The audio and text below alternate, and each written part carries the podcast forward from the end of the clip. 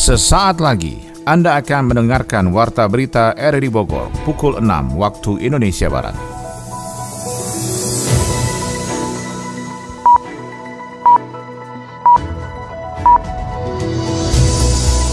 Selamat pagi dan salam jumpa. Kembali kami hadir dalam Warta Berita edisi hari ini, Kamis 16 Februari 2023. Siaran kami bisa Anda dengarkan lewat audio streaming di RRD Play dan bisa Anda dengarkan juga di audio on demand di Spotify, Anchor, Portal, dan Google Podcast. Berita utama pagi ini adalah Satgas Pangan Kota Bogor melakukan inspeksi mendadak atau sidak ke gudang penyimpanan minyak di kawasan Tanah Sareal, Kota Bogor. Menurut informasi dari Pak Menteri Perdagangan, sedang diproduksi lebih banyak dalam waktu satu minggu lebih akan kembali membanjiri pasar. Maraknya pemutusan hubungan kerja PHK di berbagai sektor terjadi di Kabupaten Bogor yang menjadi atensi tersendiri bagi pemerintah Kabupaten Bogor. Bahwa Dinas Tenaga Kerja itu tidak hanya berfokus kepada buruh yang dari pabrik, tapi juga ada kegiatan-kegiatan terutama yang kita lakukan kaitan dengan wirausaha baru. Saya Maulana Isnarto, inilah Warta Berita selengkapnya.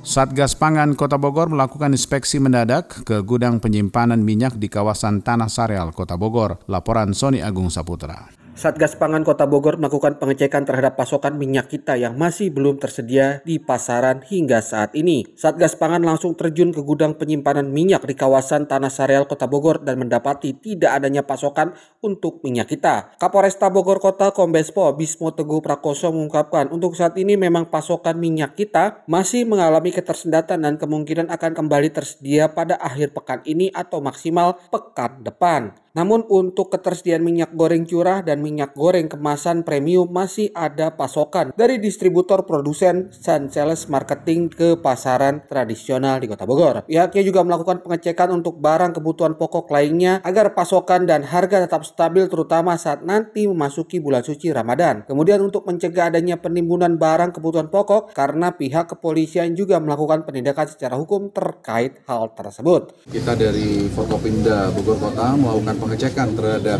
persediaan dari minyak goreng, ya, kemudian beras, ya, kemudian cabai, dan kita dapati untuk persediaan minyak curah itu mencukupi, ya, mencukupi untuk Bogor Kota. Kemudian untuk minyak kita itu nanti sore ini akan datang. Kemudian untuk minyak yang premium itu sangat mencukupi juga. Kemudian kita juga melakukan pengecekan ke pasar Bogor ini terhadap harga-harga baik itu kedelai, kemudian tempe tahu, kemudian cabai ya. Nah, itu jumlahnya cukup. Kemudian khusus untuk cabai ada peningkatan harga. Ya. Sementara itu, Wali Kota Bogor Bima Arya mengatakan koordinasi dan komunikasi dengan pemerintah pusat melalui Kementerian Perdagangan dan Perindustrian terus berlangsung untuk meminta pasokan distribusi dari minyak kita. Hasilnya pasokan minyak kita akan kembali datang dalam beberapa hari ke depan atau pekan depan sudah ada pengiriman barang ke pasar tradisional di Kota Bogor. Jadi minyak stoknya aman, cuman karena minyak kita ini diminati oleh konsumen, stoknya menipis. Menurut informasi dari Pak Menteri Perdagangan, sedang diproduksi lebih banyak dalam waktu satu minggu lebih akan kembali membanjiri pasar. Dan yang kita perlu cermati adalah harga cabai seperti sampai Pak Kapolres tadi yang naik. Ini karena faktor cuaca. Nah karena itu ini akan kita dorong terus urban farming kita, KWT, agar setidaknya bisa menambah supply dari kebutuhan cabai menjelang Ramadan ini di wilayah masing-masing. Yang lain-lain saya kira aman dan terkendali. Ya, atensi khusus kepada percepatan uh, suplai minyak kita dan juga cabai tadi. Pemkot Bogor juga menghimbau masyarakat tidak panik saat adanya pengurangan pasokan minyak kita karena masih tersedia barang subsidi lainnya dari minyak goreng curah dan minyak goreng kemasan yang dapat dipergunakan. Maraknya pemutusan hubungan kerja PHK di berbagai sektor yang terjadi di Kabupaten Bogor menjadi atensi tersendiri bagi pemerintah setempat. Laporan ini disampaikan Adi Fajar Nugraha. Maraknya pemutusan hubungan kerja atau PHK di berbagai sektor yang terjadi di Kabupaten Bogor menjadi atensi tersendiri bagi pemerintah setempat. Dinas Ketenagakerjaan Kabupaten Bogor pun telah mencanangkan beberapa program dalam menyikapi gelombang PHK di wilayahnya. Kepala Dinas Ketenagakerjaan Kabupaten Bogor Zainal Asari menjelaskan pihaknya telah menyiapkan program wirausaha baru yang masih menjadi prioritas prioritas untuk mendorong para pekerja yang terdampak PHK untuk membuka lapangan pekerjaan baru. Hal itu nantinya akan diikuti dengan sejumlah pelatihan untuk meningkatkan kemampuan dan kecakapan dalam membuat usaha baru. Bahwa Dinas Tenaga Kerja itu tidak hanya terfokus kepada buruh yang ada di pabrik, tapi juga ada kegiatan-kegiatan, terutama yang kita lakukan kaitan dengan wirausaha baru. Jadi inilah solusi-solusi pemerintahan bila mana ada warga masyarakat atau pekerja yang terkena PHK, silakan ikuti pelatihan-pelatihan wirausaha baru sehingga mereka kita arahkan bisa membuka lapangan pekerjaan baru. Di tahun 2023 ini Disnaker Lanjut Zainal menargetkan ada 40 paket program wirausaha baru yang akan diberikan kepada masyarakat. Nantinya program tersebut berfokus pada beberapa bidang tertentu yang juga akan dikolaborasikan dengan kebutuhan pasar. Wirausaha baru tahun ini kami akan melaksanakan kurang lebih 40 paket. 40 paket ini ada tiga jenis kegiatan. Yang pertama kegiatan sablon, yang kedua otomotif, yang ketiga budidaya ulat hongkong atau ulat Jerman. Dan itu semua ditanggung oleh pemerintah, baik makan, snack, bahkan ada ada uang saku.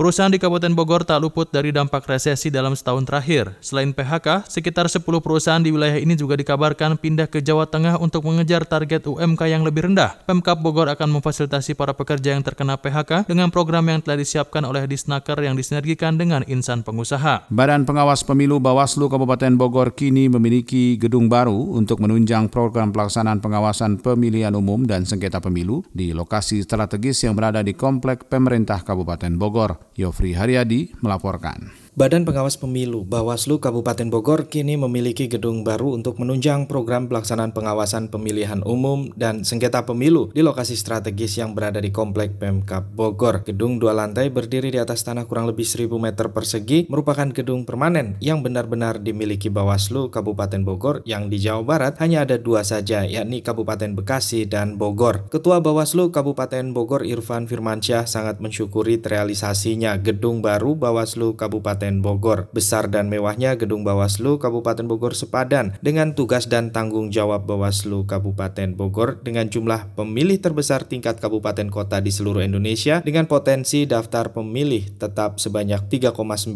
juta jiwa yang harus diawasi. Jadi gambar desain ini adalah sesuai dengan kebutuhan untuk menunjang kerja Bawaslu Kabupaten Bogor.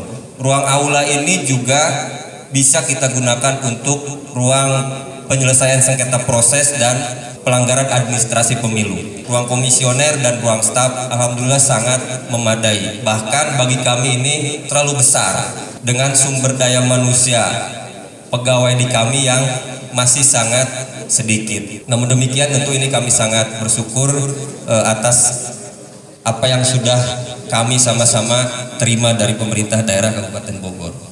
Pada kesempatan yang sama, PLT Bupati Bogor Iwan Setiawan menambahkan, pemerintah Kabupaten Bogor berencana tidak hanya membantu realisasi bangunan gedung Bawaslu saja, namun juga mebeler seperti meja, kursi, dan lemari, serta sejenisnya. Namun ada perkara administrasi yang harus ditempuh menghindari penyalahgunaan wewenang dan tata kelola keuangan daerah. Komunikasi tidak formal, sambil ngopi, kadang ada yang merokok, kadang. Itulah komunikasi yang dibangun mereka. Kalau di tempat formal, saya kalau dengan Umi, komunikasinya kekeluargaan. Inilah eh, kekeluargaan kita yang dibangun, akhirnya harapan, keinginan, dan saya juga tadi tanya ke Pak Irfan terkait bantuan mebelernya Pak. Coba nanti tolong dikaji lagi ya dari kita, ya tolong Pak Asisten, masalah mebel ini kan uangnya ada, tapi cara administrasinya mungkin ya, pemacaran niat baik kita masa sih susah gitu. Ini dari Pak Kapolres dan polisi bantuin juga Pak. Jangan sampai kita mau bantu tapi kok susah gitu. Padahal ini buat publik cuma bagaimana revisi administrasi mungkin ya atau yang lainnya ada diskresi.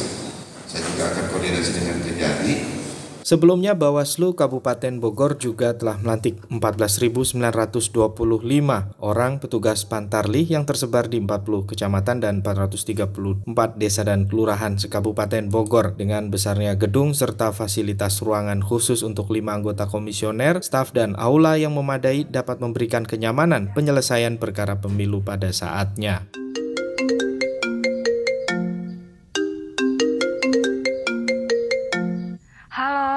Kita jadi nonton gak?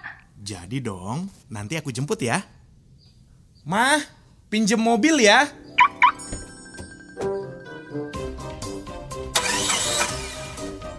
Aduh, pakai habis lagi nih bensin.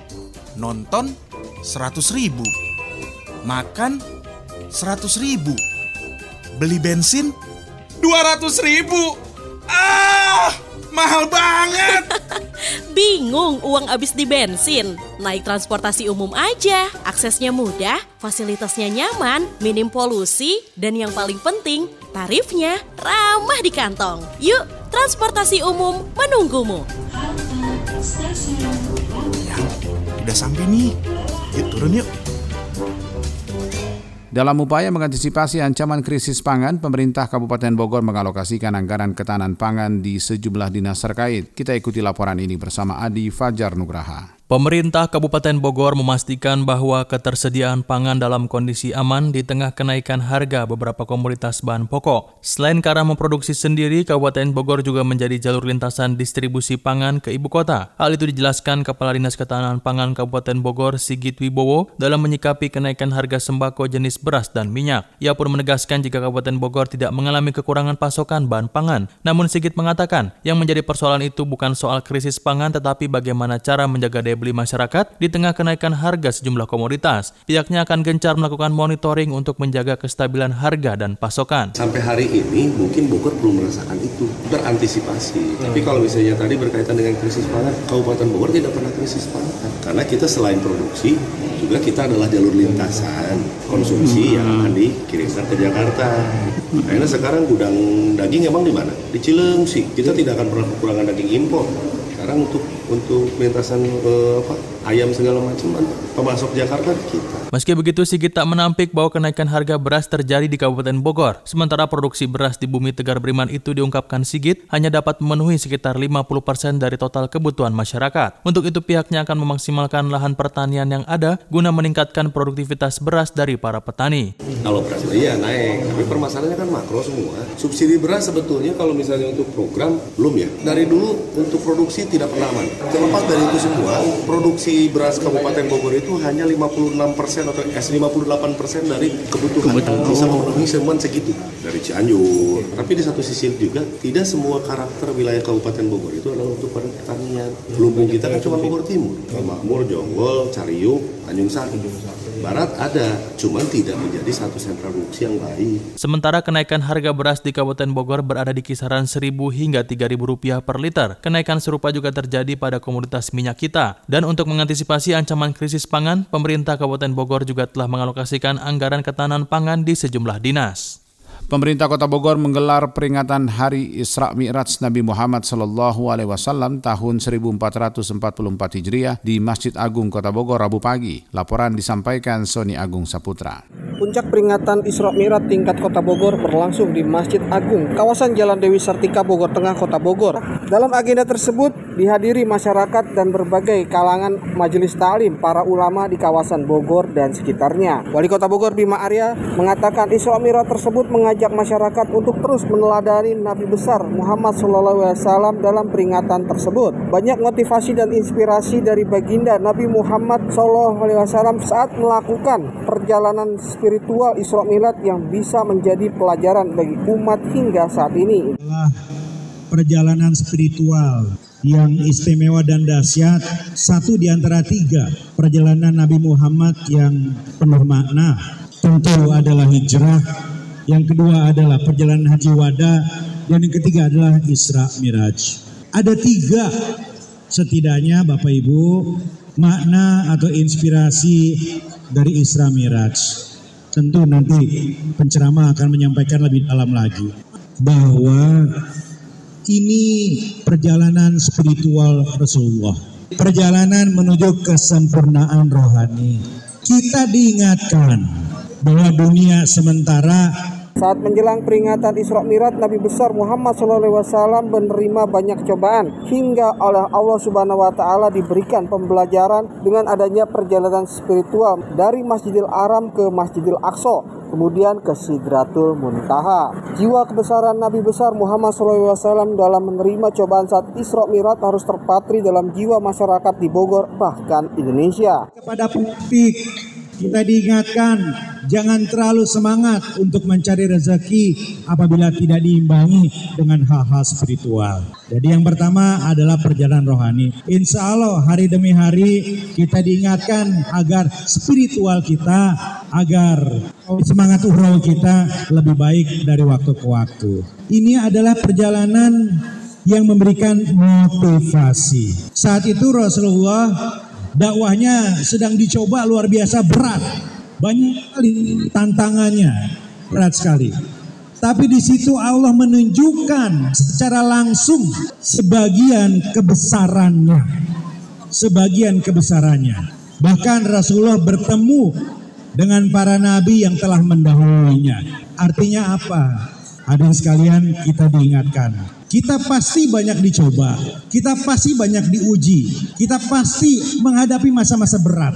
Tapi insya Allah segala sesuatu akan indah pada waktunya. Sementara itu dalam agenda Isra Mirat itu pemerintah kota Bogor juga memberikan hibah bantuan sosial kepada majelis talim, pondok pesantren, masjid, dan berbagai kalangan di kota Bogor agar tetap melakukan berbagai kegiatan pembentukan karakter dengan nilai keislaman dan jiwa kebangsaan.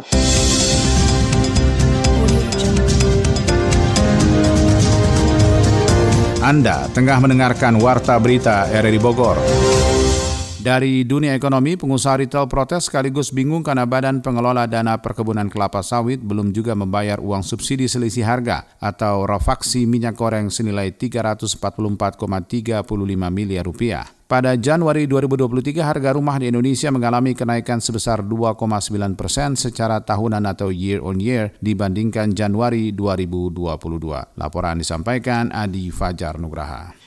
Pengusaha retail protes sekaligus bingung karena Badan Pengelola Dana Perkebunan Kelapa Sawit belum juga membayar uang subsidi selisih harga atau rafaksi minyak goreng senilai 344,35 miliar rupiah. Ketua Umum Asosiasi Pengusaha Retail Indonesia, Roy Nicholas Mande mengatakan uang rafaksi itu terkait penjualan minyak goreng kemasan seharga Rp14.000 per liter di toko retail pada Januari 2022 lalu. Ia mengatakan jumlah retail Aprindo yang terlibat dalam penjualan itu mencapai 42.000. Uang itu berasal dari selisih harga pembelian minyak goreng kemasan yang lebih tinggi dibandingkan harga jual di retail modern. Roy membeberkan bahwa pemerintah menugaskan Aprindo untuk menjual minyak goreng kemasan sebesar Rp14.000 mulai 19 Januari 2022. Padahal, pengusaha retail harus membeli minyak goreng kemasan dari distributor lebih dari Rp14.000 per liter. Saat itu produsen menjual minyak goreng kemasan dari Rp16.000 hingga Rp20.000 per liter. Roy pun mengatakan pihaknya sempat mempertanyakan terkait rafaksi yang belum dibayarkan kepada Menteri Perdagangan Zulkifli Hasan beberapa beberapa waktu lalu. Namun Zulkifli Hasan saat itu mengatakan bahwa uang subsidi selisih harga untuk peritel itu sudah tak berlaku. Maklum, pasal 3 Permendak nomor 3 tahun 2022 berbunyi penyediaan minyak goreng satu harga hanya dalam waktu 6 bulan. Pada Januari 2023, harga rumah di Indonesia mengalami kenaikan sebesar 2,9 persen secara tahunan dibandingkan Januari 2022. Angka ini didapat berdasarkan hasil laporan indeks harga rumah second 99 Group dan rumah123.com. Selama setahun, harga rumah di Jabodetabek mencatatkan pertumbuhan harga secara tahunan di mana kenaikan harga yang terbesar terjadi di Bogor, yakni sebesar 7,1 persen. Kemudian diikuti wilayah Tangerang naik 4,5 persen, Depok naik 3,8 persen, Jakarta 2,9 persen, dan Bekasi Bekasi naik 2,6 persen. Kenaikan harga rumah secara tahunan juga terjadi di hampir semua kota besar lain di Pulau Jawa seperti Semarang 6,2 persen, Yogyakarta 2,7 persen, Surabaya 2 persen, dan Bandung 0,9 persen. Vice President of Finance Strategy 99 Group Timothy Eugene Alamsyah mengatakan kenaikan harga rumah secara umum merupakan respon positif dari peningkatan popularitas pencarian rumah di Pulau Bali dalam setahun terakhir. Ia mengatakan kedua wilayah di Bali semakin diminati konsumen sejak akhir 2022 seiring posisi Bali sebagai sebagai wilayah destinasi wisata nasional dan global terkemuka dan pembangunan infrastruktur yang terus berkembang.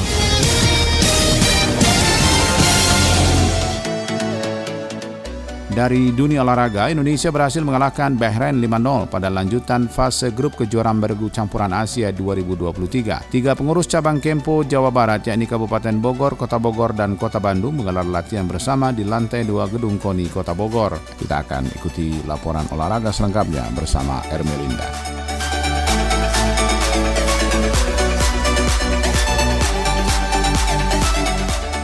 Indonesia berhasil mengalahkan Bahrain 5-0 pada lanjutan fase grup kejuaraan beregu campuran Asia 2023. Skuad Merah Putih pun menjaga rekor sempurna di babak penyisihan. Indonesia tampil melawan Bahrain pada pertandingan ketiga kejuaraan beregu campuran Asia 2023 yang diselenggarakan di Dubai, Uni Emirat Arab. Indonesia membuka keunggulan melalui kemenangan ganda campuran Rinov Rivaldi dan juga Pita Haningtyas Mentari atas Muhammad Muanis dan juga Ria Fatima pada partai pertama. Rinov Vita mampu menundukkan Muanis Fatima dalam laga selama 16 menit yang selesai dua game dengan skor 2-1-7 dan 2-1-6.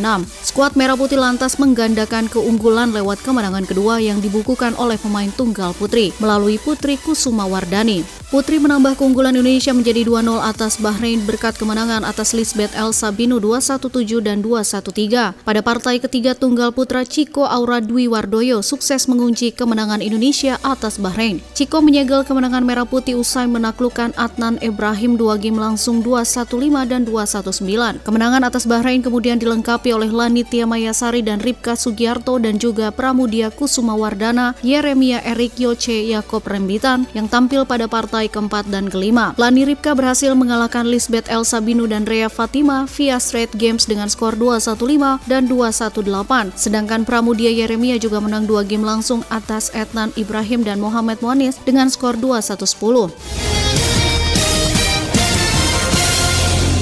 Banyak cara dilakukan untuk meningkatkan kemampuan dan menambah pengalaman atlet dalam bertanding. Salah satunya seperti yang dilakukan tiga pengurus cabang Kempo di Jawa Barat yakni Kabupaten Bogor, Kota Bogor, dan Kota Bandung yang menggelar latihan bersama di lantai dua gedung KONI Kota Bogor beberapa waktu lalu. Latihan bersama yang digelar tiga pengcap Kempo di Jawa Barat ini bertujuan untuk menambah pengalaman atlet dan sekaligus mempererat silaturahmi antar pengurus. Terlebih dalam menghadapi Pekan Olahraga Pelajar Daerah Popda Jawa Barat pada tahun 2023 di Kota Bandung. Seperti dikatakan Ketua Umum Pengcap Kempo Kabupaten Bogor Iswahyudi, latihan bersama ini diikuti sejumlah atlet binaan Pengcap Kempo Kabupaten Bogor, Kota Bogor, dan Kota Bandung. Untuk saat ini memang kita lagi mencoba untuk pembinaan ya di kelas usia SMP ya di SMP karena kita akan menghadapi Popda, Pekan Olahraga Pelajar Daerah yang akan dilaksanakan pada bulan Juli. Nah, kita sekarang lagi merekrut anak-anak SMP untuk persiapan itu. Kebetulan memang sudah ada anak-anaknya. Nah, kita kebetulan nih besok Minggu kita akan melaksanakan ikut ujian kenaikan tingkat, ujian kenaikan tingkat untuk persiapan Popda. Iswahyudi juga menjelaskan bahwa semua rangkaian yang diikuti Pengcap Kempo Kabupaten Bogor tidak terlepas bagian dari persiapan Pengcap dalam mempersiapkan para atlet yang bakal diturunkan pada Popda 2023 mendatang. Namun HI Sapaan Akrab Ketua Kempo ini berharap ada yang sudah dilakukan Pengcap bisa memotivasi bagi atlet muda untuk lebih giat berlatih. Apalagi di sisa waktu sebelum Popda 2023 digelar di Kota Bandung pada bulan Juli mendatang. Selain itu, Perkemi Kabupaten Bogor pun sedang disibukkan dengan beberapa event lainnya, salah satunya dua atlet atlet andalan Perkemi Kabupaten Bogor. Dua atlet Perkemi Kabupaten Bogor yang masuk dalam tim pemusatan latihan daerah Pelatda Kempo Jawa Barat yakni Ali Fikri dan Ahmad Zulfikar fokus mempersiapkan diri sebelum bertanding pada Prapekan Olahraga Nasional Prapon Sumatera Utara dan Aceh 2024 di Solo, Jawa Tengah Juli 2023 mendatang. Ahmad Zulfikar menjelaskan bahwa pada perebutan tiket menuju PON Sumut Aceh 2024, dirinya bersama Ali Fikri yang merupakan saudara kembarnya akan turun di kategori embu berpasangan putra Putra QCanC. Ahmad mengatakan terus memperkuat teknik-teknik dalam berlatih. Kesiapan mengikuti PON ini, saya bersama kembaran saya ya Mbak Ali Fikri namanya. Kebetulan kita main di nomor embu berpasangan Putra QCanC.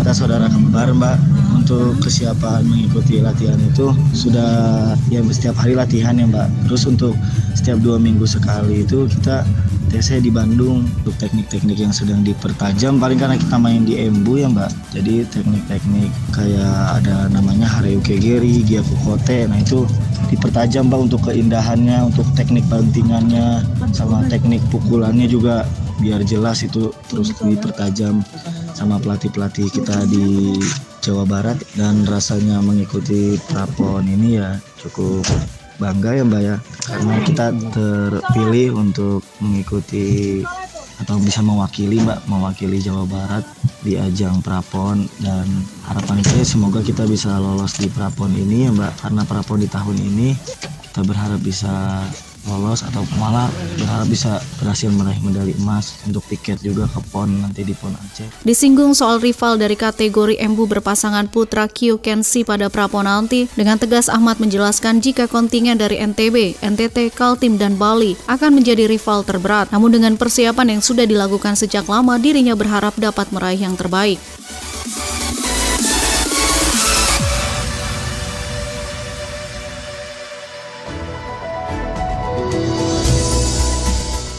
Demikian rangkaian informasi yang kami hadirkan dalam Warta Berita di edisi hari ini. Sebelum berpisah, kami kembali sampaikan berita utama. Satgas Pangan Kota Bogor melakukan inspeksi mendadak atau sidak ke gudang penyimpanan minyak di kawasan Tanah Sareal, Kota Bogor.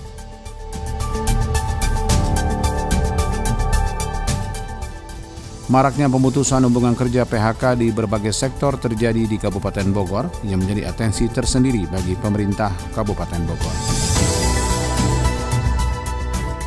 Mewakili kerabat kerja bertugas, saya Maulana Estarto mengucapkan terima kasih. Selamat pagi.